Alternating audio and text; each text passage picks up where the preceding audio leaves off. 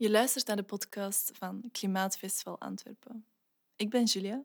En ik ben Maite. Wat heeft klimaat met gender te maken? Bestaat er zoiets als klimaatseksisme? En hoe ziet dit klimaatseksisme er dan uit? In deze aflevering staat Kisha Oorts stil bij de relatie tussen klimaat en gender. Een relatie die het fundament vormt van het ecofeminisme.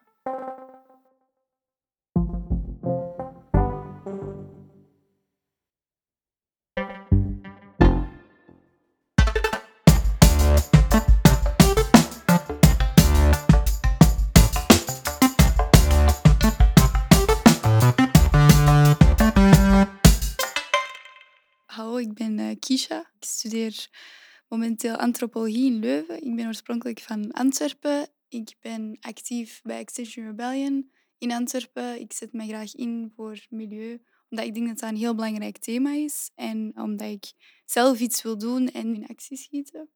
Vandaag kom ik vertellen over seksisme en klimaatopwarming, hoe die twee samengaan. Dus hoe vrouwen op een andere manier de klimaatcrisis ervaren tegenover mannen.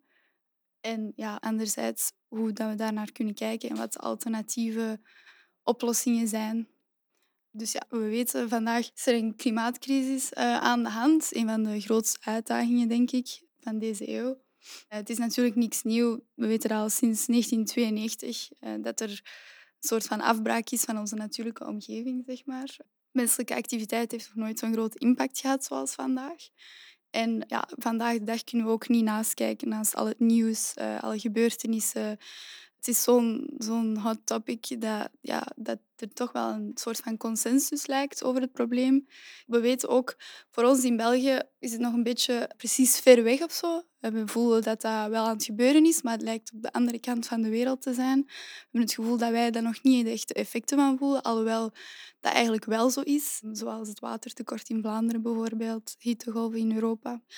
Maar ja, uiteraard, andere landen in de wereld die worden sneller getroffen. Dat is gewoon een feit. Bepaalde eilanden zullen meer het effect voelen van een stijgende zeespiegel. En ja, ook andere landen in de wereld die meestal minst bijdragen aan het probleem, worden harder getroffen. En ja, dat heeft vooral te maken met infrastructuur, met macht, met ongelijkheid, verkeerde informatie en ook een gebrek aan actie. Maar anderzijds heeft het niet alleen een impact op meer kwetsbare plekken in de wereld, maar het heeft ook een impact op een bepaald deel van de populatie, zoals mensen in armoede uiteraard, oudere mensen, maar ook vooral vrouwen. En dat is waar ik het vandaag over wil hebben. Gender is namelijk een belangrijk aspect dat wij vaak vergeten in het klimaatdebat. Er zijn verschillende redenen waarom vrouwen een hoger risico lopen en de impact harder voelen van klimaatopwarming. En dat wordt vooral veroorzaakt door culturele normen. Dus het is belangrijk om over na te denken dat dat niet biologisch bepaald is, maar dat dat echt een cultureel, sociaal... Dat is iets ja, waar vrouwen eigenlijk over de hele wereld ervaren. En dat heeft een lange geschiedenis. Dus dat wil zeggen dat vrouwen bepaalde rollen, eisen, verwachtingen en zaken krijgen voorgeschoteld in onze samenleving die hen net in een zwakkere positie stelt of hen het kwetsbaar maakt voor dit probleem. Dus het treft hen op een andere manier, omdat zij in een bepaalde positie worden gezet. Dus um, dominante definitie van gender betekent dus dat vrouwen een andere rol en andere verantwoordelijkheden hebben dan mannen in onze samenleving, wat hun in de plaats ook minder mogelijkheden, kansen en toegang als ook rechten geeft in onze samenleving. En ja, het is zo, die normen die zorgen er eigenlijk voor dat vrouwen ook in noodgevallen minder bescherming hebben en minder mobiliteit hebben en daardoor dus gevoeliger zijn voor die problemen. Anderzijds zien we ook dat vrouwen meer in armoede leven en dus ook minder middelen hebben om zich te beschermen. Dus dat wil zeggen dat sociaal onrechtvaardigheid in onze samenleving ook zich verder zet in het klimaatprobleem. Niet alleen bij vrouwen, ook bij mensen in armoede, het Westen tegenover niet-Westen. Ja, etniciteit, klasse, ja, dat zet zich uiteraard voort. En dat zorgt er ook voor dat mensen minder middel hebben, ook maar minder toegang ook. Dus veel mensen die vandaag al discriminatie en onrecht ervaren in onze samenleving, zullen dat ook ervaren tijdens een probleem zoals klimaatopwarming. Natuurlijk is dat wel belangrijk dat die wel betrokken worden en dat we daar naar kijken. Want veel mensen die vandaag de dag buitengesloten worden in de politiek, die hebben belangrijke kennis, ervaring, visies en ja, die we echt nodig hebben in het aanpakken van dit probleem. En daarom kom ik vandaag ook een beetje praten over wat de alternatieven zijn en waarom het belangrijk is dat meer mensen en vooral ook vrouwen betrokken worden in het bestrijden van het klimaatprobleem. Het wordt vaak gezien als een wetenschappelijk probleem, als een natuurlijk probleem dat opgelost moet worden via technologie. Maar ik denk dat het heel belangrijk is om in gedachten te houden dat het eigenlijk een probleem is van het systeem, van uitbuiting, van kapitalisme, van kolonialisme, van seksisme. En dat, dat we het probleem bij zijn wortels moeten aanpakken. En dat er systematische verandering nodig is. Dus we zullen moeten rekening houden met die machtsproblemen, met belangen, als we het klimaatprobleem willen bestrijden. Er zijn bepaalde vlakken waarbij vrouwen op een andere manier de effecten voelen van klimaatopwarming. Dat is bijvoorbeeld veranderende weersomstandigheden of uh, natuurlijke rampen, zoals overstromingen of stormen. Maar ook landbouw, huishouden, uh, invloed van armoede, gezondheidsproblemen en ziektes en ja, ook politiek bijvoorbeeld. Ik zal op elk van deze vlakken even kort dieper op ingaan. Ten eerste zijn dat klimaat- en natuurlijke rampen, veranderend weersomstandigheden, zoals overstromingen of stormen. Door ja, sociale en culturele normen en verwachtingen zijn vrouwen meer geneigd om thuis te zijn tijdens zo'n rampen omdat ze nou, overal in de wereld meer verantwoordelijk zijn voor huishouden, wat ervoor zorgt dat ze minder beschermd zijn en uh, minder hulp of informatie kunnen krijgen. Ten tweede is het ook aangetoond dat veel vrouwen minder uh, mobiel zijn doordat ze minder geneigd zijn op een rijbewijs of een auto te bezitten, wat u nog verder verhindert die mobiliteit. En tenslotte zijn er ook veel andere sociale en culturele verwachtingen, zoals kledingsnormen. En ook als we zien naar klimaatvluchtelingen, zijn het vaker vrouwen dan mannen en moeten zij dus meer migreren. Daarbovenop komt ook nog eens de nasleep van zulke events. Wat we ook zien in gebieden waar er conflict of oorlog zijn, dat vrouwen vaak meer geweld ervaren of meer mishandeling ervaren. En ja, dat ze daardoor soms uit angst geen onderdak willen maar anderzijds werkt dominante genderrollen ook voor mannen tijdens zo'n event, omdat ze vaak gezien worden als het sterker geslacht, zeg maar. En vaak worden verwacht om mee te helpen en mee te redden tijdens zo'n noodgeval. En dus dat er ook wel een stijging is van mannelijke slachtoffers, doordat er bepaalde verwachtingen zijn in onze samenleving.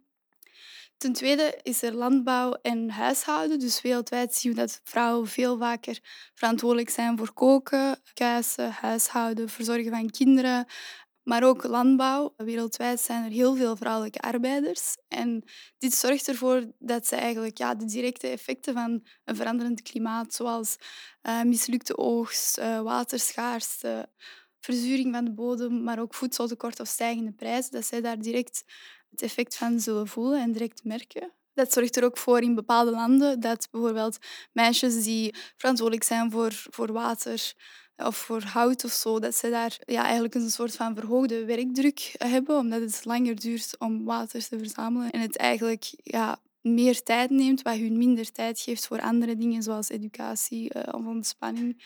En dat ze dus een langere afstand moeten doen en meer werk hebben. Dus ja, het geeft hun een toename in werkdruk.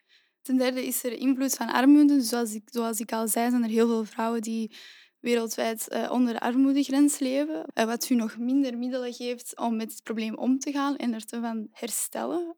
We zien ook vooral in landen waar een effenis of een geschiedenis van kolonialisme en racisme, zoals ja, in verschillende landen waar inheemse vrouwen of families met lage inkomens, dat zij nog harder getroffen worden eigenlijk. Omdat bij hen ook de verantwoordelijkheid ligt om voor thuis te zorgen voor kinderen en ze hebben dan ook vaak minder rechten en minder middelen dan mannen om hun te beschermen tegen uh, een veranderend klimaat. Dus dat vormt opnieuw een barrière om met die problemen om te gaan. En tenslotte is een van de belangrijkste elementen bij een ongelijke betrokkenheid of impact van dit probleem is vooral op vlak van politiek en betrokkenheid. Wereldwijd worden vrouwen minder betrokken in beleidsmaking of politiek dat heeft te maken met ja, verschillende factoren. ja, patriarchaat dat ervoor zorgt dat uh, mannen meer macht hebben, dat mannen um, meer gebieden zoals wetenschap, politiek, uh, technologie domineren. En dat dat ja, eigenlijk een mannelijk gedomineerd systeem van relaties, waarden en autoriteit is, waar vrouwen vaak worden uit buiten gesloten. Dus allee, er zijn cijfers die duidelijk laten zien dat in gebieden als wetenschap veel meer mannelijke wetenschappers zijn. Waar dus ook voor zorgt dat als uh, de wetenschap en de technologie gezien wordt als de ultieme oplossing voor dit probleem, dat zij dus ook worden buitengesloten in het oplossen van dit probleem. Verder, wordt er ook op, allez, verder is er ook zowel op nationaal als internationaal niveau een ondervertegenwoordiging van vrouwen. Dat zien we in Belgische politiek. De meeste politieke partijen hebben een mannelijk hoofd van hun partij. De meeste burgemeesters zijn mannen. En ook weinig landen die een president hebben die vrouwelijk is. En wanneer we kijken naar andere groepen, zoals ja, minderheidsgroepen of uh, gekleurde mensen, die, uh, die hebben dan nog minder kans om betrokken te worden in de, in de politiek. Ik denk dat we dat wel beseffen dat dat maar een soort van specifieke groep is die in de wereld en ook in ons land eh, in politiek zit eigenlijk. Niet representatief zijn voor onze samenleving. Het probleem is natuurlijk als er een specifieke subgroep van de populatie beslissingen maakt die gelden voor heel de samenleving, dat ze dan eigenlijk ja, beslissingen maken die gebaseerd zijn op hun visies, op hun perspectieven, op hun maat. En dat, dat eigenlijk veel mensen uit de boot vallen en zich niet kunnen vinden in alles wat er is beslist. Dus ja, dat is niet alleen onrechtvaardig, maar dat zorgt er ook voor dat bepaalde aspecten, zoals het genderaspect in klimaatopwarming, minder aandacht krijgt. En om dit ja, op te lossen, moeten we er dus ook wel voor zorgen dat meer mensen betrokken worden. Want ondanks het feit dat ze natuurlijk ondervertegenwoordigd zijn, spelen zij een sleutelrol in het onderhandelen en zou het heel belangrijk zijn om meer vrouwen te betrekken, om andere mensen te betrekken in de politiek. Er is natuurlijk geen garantie dat wanneer er meer vrouwen in de politiek zijn, dat ze opeens het genderaspect gaan aankaarten. Maar het zorgt er wel voor dat er andere perspectieven en visies komen en dat er dus wel gewerkt wordt aan systematische verandering. Wanneer we kijken naar de impact van genderrollen op klimaatverandering, zien we eigenlijk dat, dat er één beweging zeg maar, heel actief rond is. En um, dat is het ecofeminisme. Dat is eigenlijk een combinatie van het feminisme en uh, groene beweging. Zoals ik al zei, het, probleem is iets dat kruispuntdenken eist, zeg maar. Om het een te bestrijden, moet je het ander bestrijden. Dus ecofeminisme kaart eigenlijk vooral de gelijkenis aan tussen onderdrukking van vrouwen door mannen in de samenleving en onderdrukking van de natuur door mensen. Dat is natuurlijk het resultaat van een sociaal en cultureel model dat mannelijke hegemonie, macht en een bepaalde ideologie in de samenleving promoot. En dit is dus ook niet biologisch bepaald in het algemeen beschrijven ze eigenlijk hoe beide worden behandeld en ja, benadeeld door het patriarchaat, maar ook neoliberalisme en vooral kapitalisme. En voor de rest kaarten zij ook andere vormen van onderdrukking aan, zoals op vlak van seksualiteit of uh, klasse en etniciteit.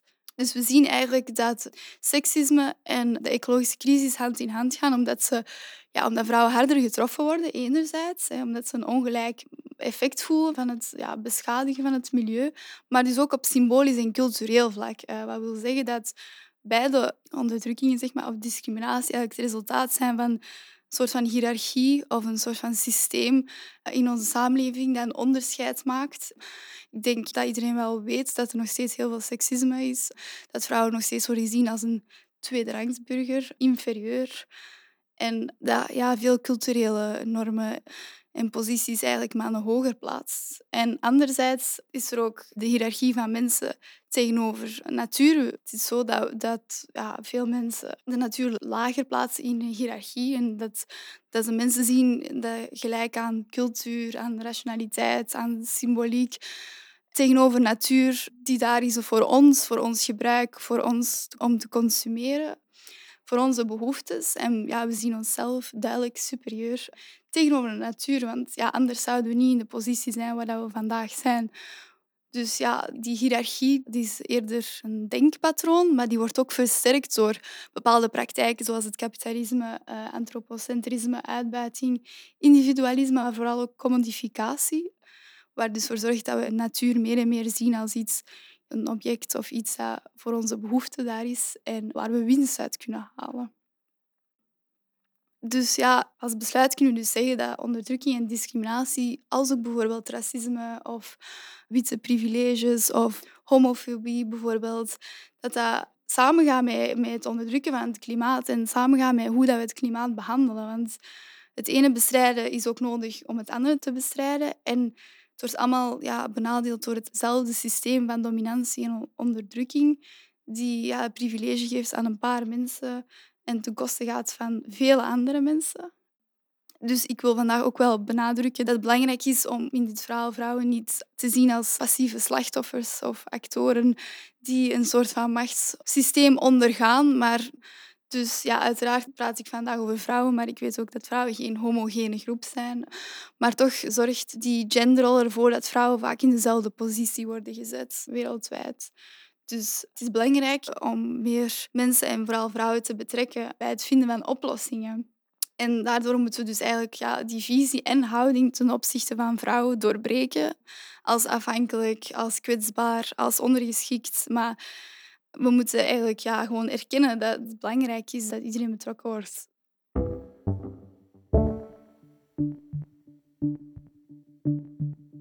Dit was de podcast van Klimaatfestival Antwerpen.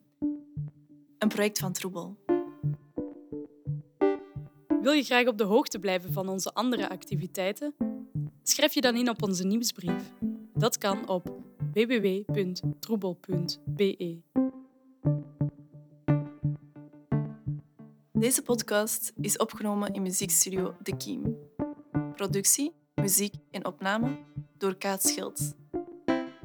Beeld door designstudio Catapult. Dank aan 1111 en de burgerbegroting van het district Antwerpen om deze podcast mee mogelijk te maken.